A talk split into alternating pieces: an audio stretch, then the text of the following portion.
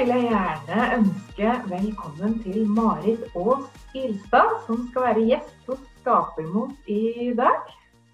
Velkommen, velkommen, Marit. Veldig koselig å endelig få ha deg som gjest i podkasten min. Det har jeg gledet meg veldig til.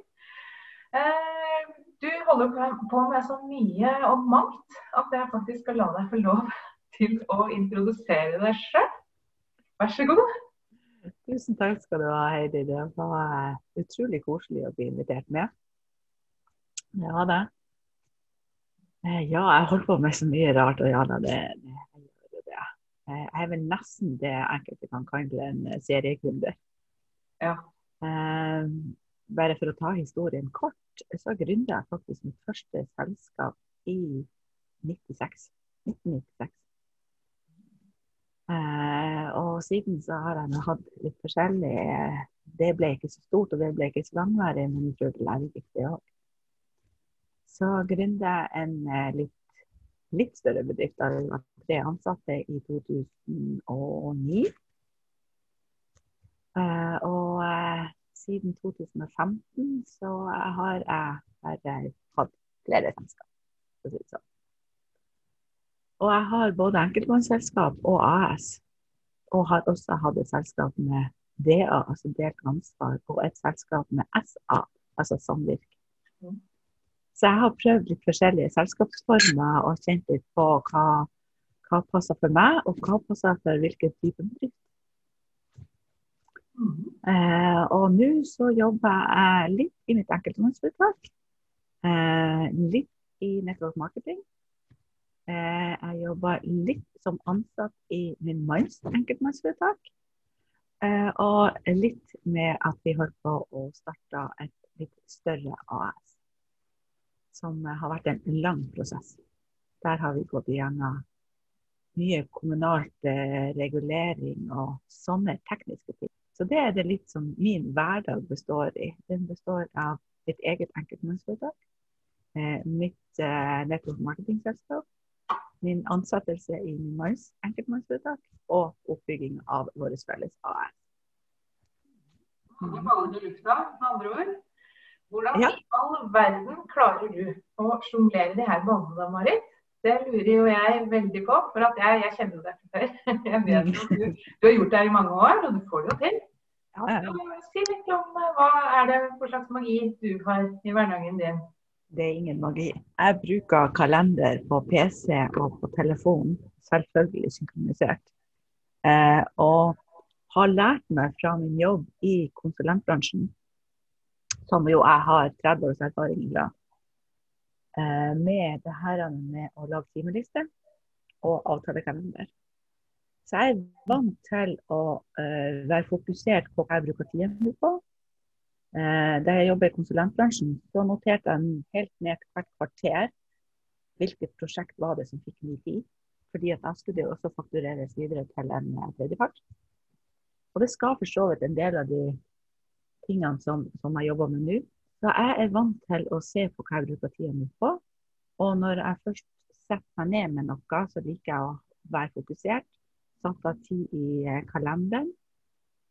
Sånn at jeg vet at denne timen eller de her timene eller denne dagen skal gå til dette prosjektet eller til denne businessen.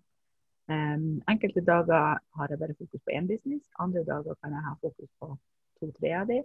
Men da har jeg satt av tid. Jeg er veldig, akkurat nå så driver jeg faktisk og oppdrar min mann på at vi må være veldig strukturert med å sette av tid til hva vi jobber vi med hva, sånn at ikke man ramler sånn ut av det.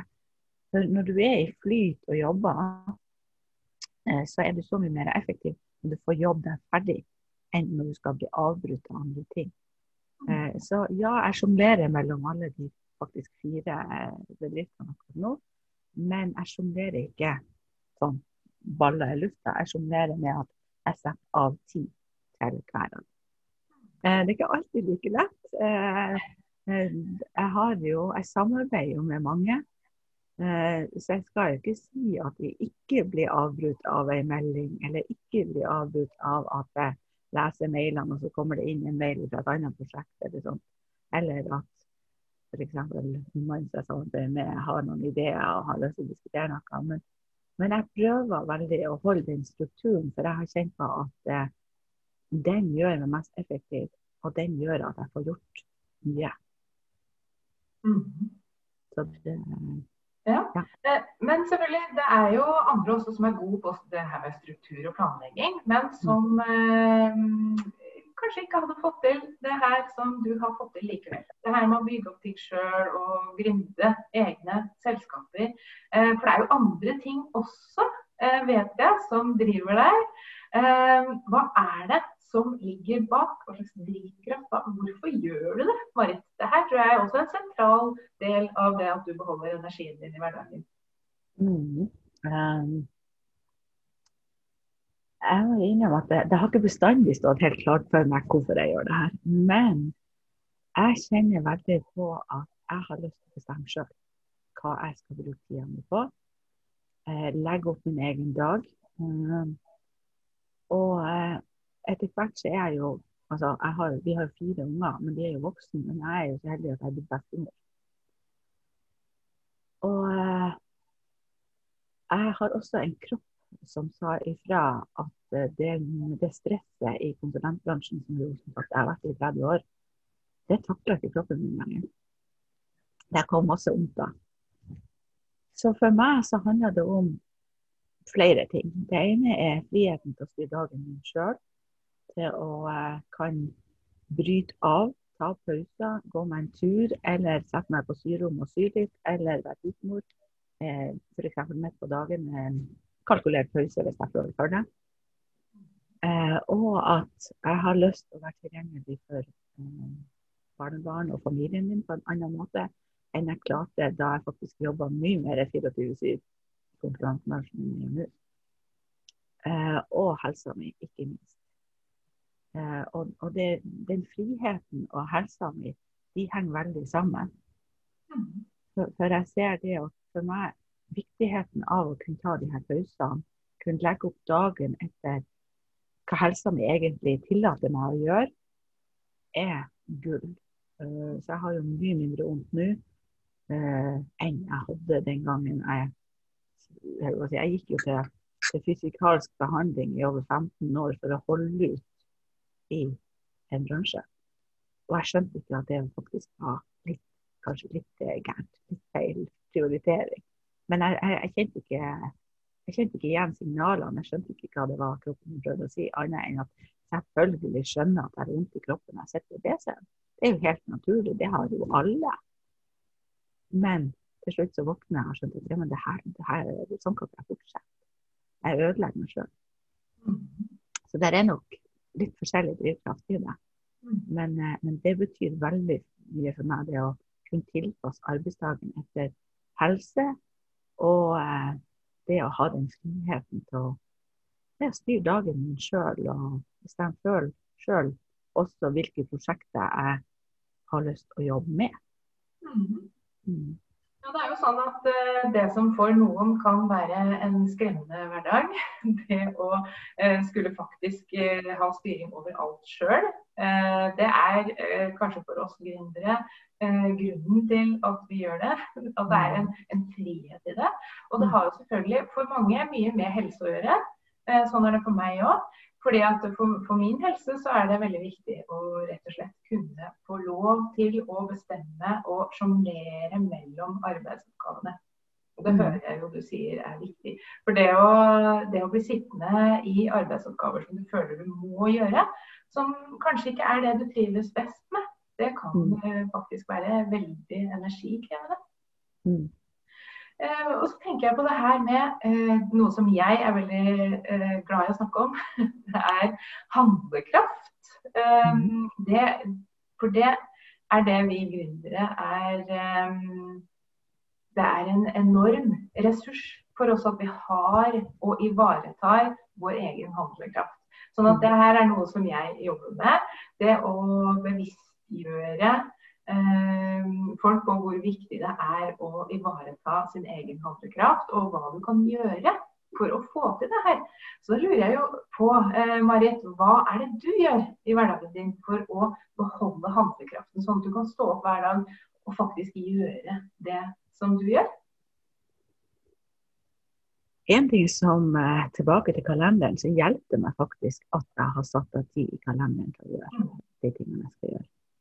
Um, og jeg har også strukturert min dag og driver jo prøver å strukturere det rundt meg til at selv om jeg jobber hjemmefra, så har jeg arbeidsdag. Så, så jeg er ikke så jeg på å si, I og med at jeg er såpass frilans som jeg er, så er jeg ikke så opptatt av at jeg skal starte på jobb klokka åtte og være ferdig klokka tre eller klokka fire. Så jeg bruker å si at min arbeidstid, arbeidsdag er fra jeg står opp til jeg spiser middag. Eh, litt tid på det. Og den er jo veldig fleksibel, da. Eh, men en annen ting er jo det at jeg har lyst til å dra frem det her med, med det mentale oppi det som jeg jo vet at vi snakker litt samme språk på, mm-hmm. eh, er det her at jeg er, jeg er, jeg var, jeg innbilte meg at jeg egentlig var en stille, sjenert jente som liker å jobbe i kulissene og løfte andre frem. Eh, og ikke synes. Og ikke si så mye. Eh, jeg må gå litt tilbake der og si at ja, jeg er nok en som liker å løfte andre frem. Men jeg har det å, å være synlig og prate og sånn her, det er nok mer en sannhet som jeg har fortalt meg sjøl at jeg ikke liker. Og når jeg liksom dykker inn i den biten at jeg bestemmer sjøl hvordan jeg gjør ting, hva jeg gjør, eh, hva jeg vil fokusere på, hvordan jeg vil gjøre det og alt, så ble det mer og mer klart for meg at det høres veldig banalt ut, men det når jeg jobber med ting, får ideer. Så er det veldig kort ifra jeg får ideene til at jeg gjør det. Fordi jeg har liksom fått en sånn liten filosofi i meg sjøl at det er bare å gjøre. Det er ikke noe å gruble så mye på. Det er ikke noe å legge så mye tanker og energi i. Fordi at der finnes tusen unnskyldninger for å ikke gjøre det. Og det er de som dukker opp når vi tenker på det. Og de er vel litt sånn her beskyttelse som ligger i ethvert menneske fra tidens morgen på at det kan være skumle ting der ute. Men jeg er så heldig at jeg bor her som her. Her er ikke så mye skumle ting her ute. Eh, det kan hende det går en jerv forbi eller en gaupe forbi, men det er ikke noe farlig. Så det er ikke noe farlig å være synlig. Det er ikke noe farlig å eh, jobbe med ideene mine. Det er ikke noe farlig å bare gå ut og og kjøre livesendinger eller sette opp en annonsekampanje eller stille opp i et intervju eller møte relativt uforberedt f.eks. i intervjuer eller i møter med samarbeidspartnere som vi har ganske mye av. Det gir faktisk mer det å møte opp med oppmerksomhet og med hele seg enn å komme med masse notater eh, som jeg tenkte var lurt før et møte. For da er jeg så opptatt i, i liksom, notatene, jeg er ikke så opptatt i det som skjer her og nå. Så litt for å hente meg inn tilbake, så for meg så er det blitt veldig viktig med å være her og nå. Være til stede i nuet. Kjenn, kjenn på ideer, kjenn på flyt, kjenn på inspirasjon også. Og da er det også enklere å stå i det det er enklere å gjøre de tingene som eh, jeg føler er riktig å gjøre. Og det er også enklere å gå utenfor den såkalte komfortsona eller boksen eller den ramma som jeg i hvert fall tidligere hadde, var veldig bra på hvem jeg var og hva jeg kunne tillate meg å gjøre. Jeg vet ikke om jeg svarte spørsmålet. Men, eh, Veldig bra, syns jeg. Mm. Du kommer jo inn på en annen ting som jeg er veldig opptatt av, eh, og som jeg liker å snakke om. Det er jo det her med tålmodighet. Mm. Og um, hvorfor er det viktig med tålmodighet i en gründers hverdag? Eh, det første som dukker opp i meg når du sier tålmodighet For jeg er kanskje ikke kjent for å være så tålmodig menneske.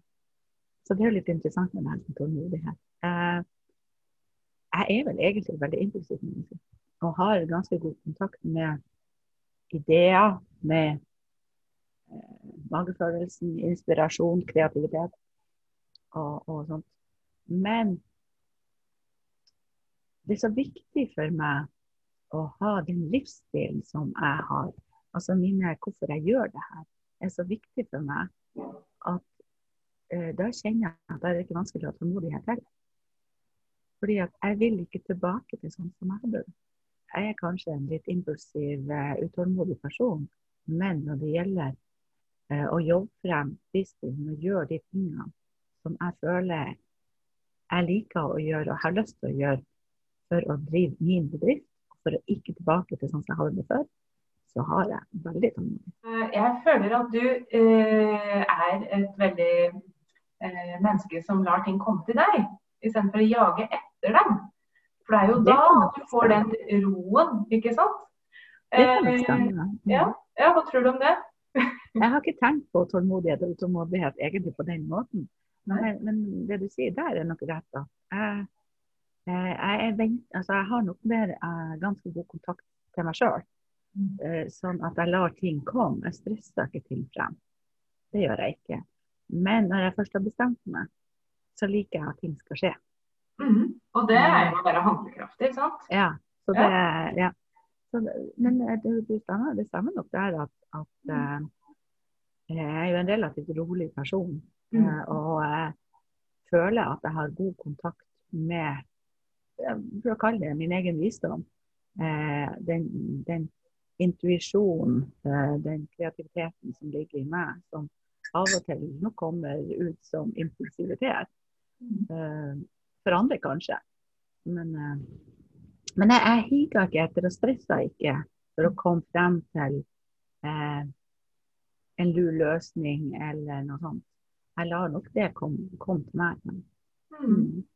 Jeg tenker jo på um, det å være tålmodig som å være i stand til å akseptere at vi er her og nå, og ikke mm. i et mål langt framme. Mm. Det tenker jeg på tålmodighet som. Og mm. der er jo du. Mm. Du er jo et forbilde for uh, folk der, tenker jeg. Og det å kunne faktisk være til stede i nuet. Og det er jo da du får til å være impulsiv òg. Ja, ja det er fordi det er da du lytter til det som kommer.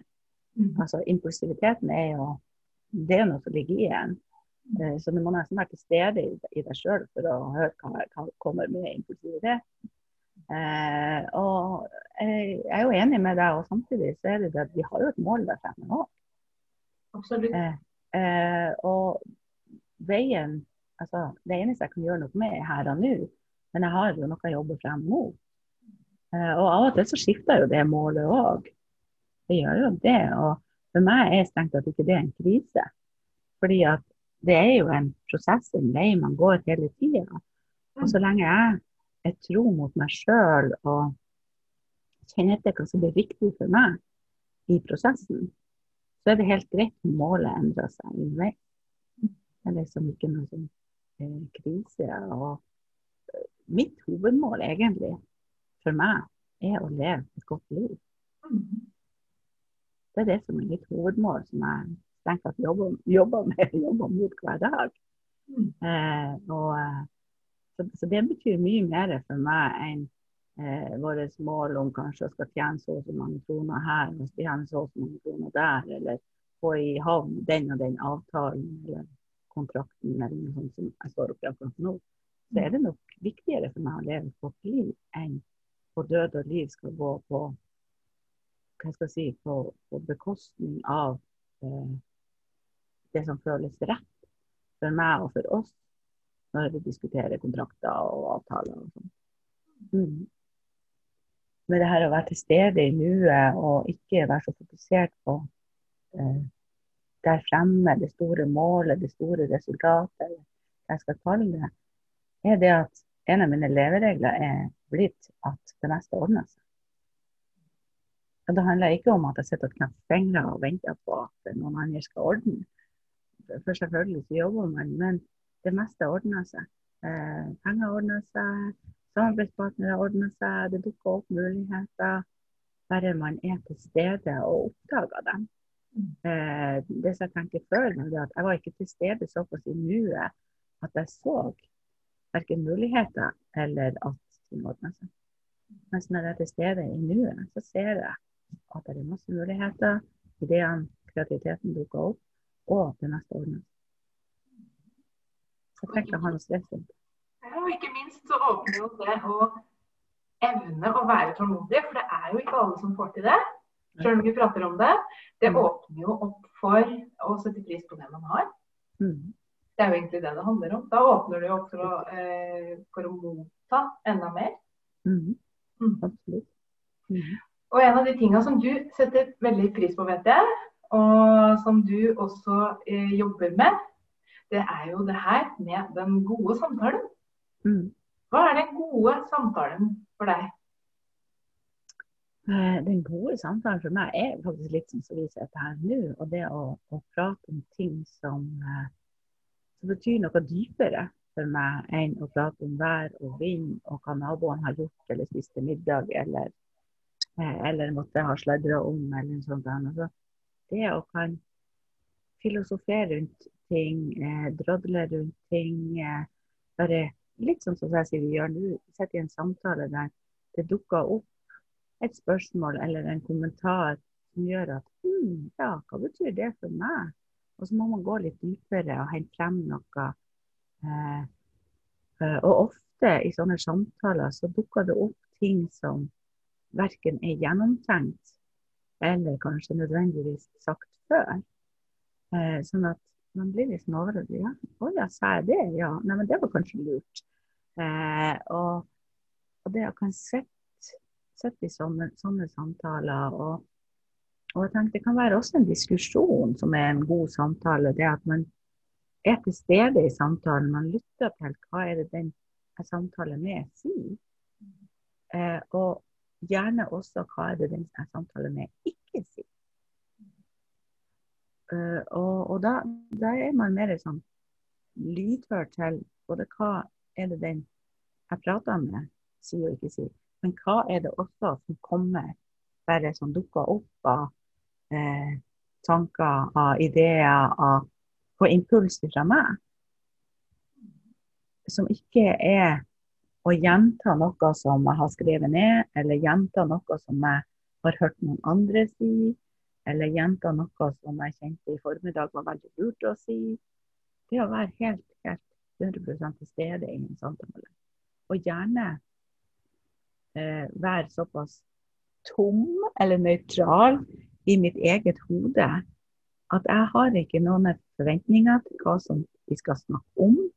Eh, Jeg har ingen forventninger om hva du skal si eller hva jeg skal si. Eh, og lar det komme, det som kommer. Mm. Eh, og det føler jeg er helt fantastiske samtaler. Og de kan handle om det meste. Ja, det her det handler jo om å være til stede i øyeblikket, det. Absolutt. Og det kan jo være litt skummelt. For ofte så har vi jo med oss det her krava og forventningene som jeg nevnte. Fordi at vi, vi har en forventning til oss sjøl, hva vi skal prestere. Kanskje hvis vi møter uforberedt, så, så vet vi ikke Kanskje vi kommer til å si noe dumt. Sant? Og det her gjør oss jo ufri. Så det å gi slipp på akkurat de her krava, der er du et eh, godt uh, forbilde føler jeg. Så uh, må gjerne følge moder Marit og uh, hennes betraktninger rundt livet og den gode samtalen. Det vil jeg absolutt uh, anbefale. Og så må jeg jo i samme slengen til slutt her si litt om at du er et godt forbilde når det gjelder formidling. Fordi at du er jo veldig tydelig på hvem du er. Eh, fordi at du Ja, du, du, sier jo det at du før følte at du kanskje var sjenert. Men eh, så viser det seg at når, når, du kan være til stede i nuet og slippe de her kravene og forventningene, eh, og være, la deg sjøl være impulsiv, rett og slett, som du handler om, Mm. så, så, ja, så, så blir du rett og slett deg sjøl. Mm. Og det er jo det som er den gylne uh, gylne vei. Den gylne vei å gå på når det gjelder formidling òg. Mm. Eller hva tror du? Jeg er helt enig med deg. Altså, den, den at jeg var sjenert, handler jo mye om at det handler om, om uh, miljøet man er oppvokst i. Det handler om forestillinger om at man gjør seg selv mindre. fordi at man ser opp til andre. tror at andre har mer å komme med. Eh, og eh, handler sikkert også om utseende og alt det der. Det er jo mye rart som spiller inn. Men, men, det som skaper det, er jo hva jeg tenker rundt de her tingene som jeg snakker om. Mens når de gir slipp på det eh, at jeg forventer at jeg skal nå opp til noe spesielt, eller har noen forventninger om at jeg skal se ut på en spesiell måte, eller har noen forventninger om jeg vet ikke hva. Det rett og slett kom uten forventninger. altså Bare kommer det som kommer. Eh, det, for meg føles det ekte. Eh, det er ikke noe skuespill. Det er ikke noe som, som uh, man har øvd på lenge før. Det er liksom Møt opp i nuet, vær til stede i nuet, og kom med det som kommer. Da kommer helt sikkert til å prate meg bort. Men det spiller ingen rolle, for jeg, jeg, tror jo også at når vi lar ting bare kom. eh, så treffer det eh, flere. Det er mer ekte, det som kommer. Um, og når det treffer flere, så er det kanskje en eller to der ute som kjenner at det ga mening, det som ble sagt. Og, og det er jeg si, helt utrolig å tenke på at bare man møter opp og komme det som jeg føler eller kjenner på, jeg har lyst til å snakke om der og da, eh, som jeg brenner for, eller som har vært eh, noe som jeg har kjent på den siste tida, eller et eller annet som har lyst til å drodde litt rundt og at det kan treffe noen, eh, det føles, føles, utrolig deilig. Og da, da, er jeg ikke så opptatt av å være inni mitt hode med å tenke veldig mye på eh, hva kommer de andre til å si, hva syns den og den om det. Eh, Skjemmer jeg ut eh, venner og familie nå, eller eh, hva ville mamma sagt? Eller noe sånt. Jeg er ikke så opptatt av det. Og når jeg ikke er så opptatt av det, så kommer det heller ikke så mange sånne kommentarer. Fordi at det som kommer, er sant for meg. Og det er ikke noe jeg peker fingeren med og så sier at eh, du må gjøre sånn, eller du må føle sånn, eller du må tenke sånn. Jeg prater kun ut ifra hva som er sant for meg, og hva som kommer i meg. Og så får andre ta til seg det de føler, eh, eller kjenne på det de føler de kjenner der og da. Og det er jo fordi at vi faktisk er veldig spennende. Mm. Vi mennesker er faktisk ja. Er veldig spennende. Og vi er mye mer spennende når vi er oss sjøl, enn når vi mm. prøver å være noen andre. Mm. Eller prøver å være som noen andre, da. Prøver å tilpasse oss hva vi tror at andre vil høre, f.eks. Så, mm. så er vi faktisk eh, innstilt sånn at vi er mest interessert i det ekte mennesket som er bak enhver fasade. Det er det vi er interessert i, og det er det vi fenges av. Og der tenker jeg at vi har mye å lære når det gjelder eh, kommunikasjon eh, ut eh, i bedriftene våre. I formidlinga vår. Mm. Og jeg tenker at det er den beste nyheten på lenge. Ja. Mm. At alt vi trenger å gjøre, er å være oss sjøl. Men det innebærer jo også at vi, vi, vi må stå ordentlig godt planta i det vi gjør, da. Vi må mm. ha troa på oss sjøl. Men det er jo noe som bare er positivt å bygge opp. Så det er en positiv vei å gå på, tenker jeg. Mm -hmm. Og for å si det sånn, altså det å bare være seg sjøl og prate ut ifra hva som kommer, det er jo så mye enklere. Det er jo et, et liv i letthet, for å si det sånn, enn å skal prøve å spille en eller annen slags rolle og møte en eller annen slags forventning som du strengt tatt ikke kjenner til i det hele tatt. For det er strevsomt. Mm, det, er. det er derfor folk blir uh, utslitt også. Ja. Ja, det her syns jeg var veldig, veldig koselig, Marit. Kunne sittet mye lenger og snakket. Men du har vel andre ting du trenger å gjøre i dag? Eh, med alle de ballene du har i lufta. Da skal du vel sikkert holde på med hvert et par av dem i dag? Ja da, i hvert fall et par. Men har du noe mer som du har lyst til å tilføye, som du tenker er viktig at folk får med seg i dag? Eh, jeg vet ikke om det er noe mer, men litt i samme slengen. Så vær trygg på at du er nok som deg sjøl. Eh, du har så mye visdom i deg eh, som skal til for å være deg sjøl. At du bare er trygg på at den er der. Det er ikke noe du trenger å lære deg. Det er ikke noe du ja, Du kan jo strengt tatt øve deg på det, men du trenger ikke å lære deg noe nytt. Det er ikke noe kurs du trenger. noe som helst. Bare vær deg sjøl og stol på. Det er det samme som om vi skulle ha møttes på gata og, og snakka. Ikke visste at jeg møtte deg på gata, og ikke visste hva vi strengt tatt kom til å snakke om. Når man tillater seg å gå litt dypere enn å prate om hvordan været er, eller hva naboene spiser middag, så, så er det det. Mm. Det var kloke ord til slutt. Da sier jeg tusen takk, Marit, for at du tok deg tid til denne eh, hyggelige praten. Jeg gleder meg til å prate med deg igjen. Det gjør vi jo titt og ofte, vi, vet du. Mm. Tusen takk for at jeg fikk være med. Mm. Så ønsker vi alle sammen en god dag videre. Ha det bra. Ha det godt.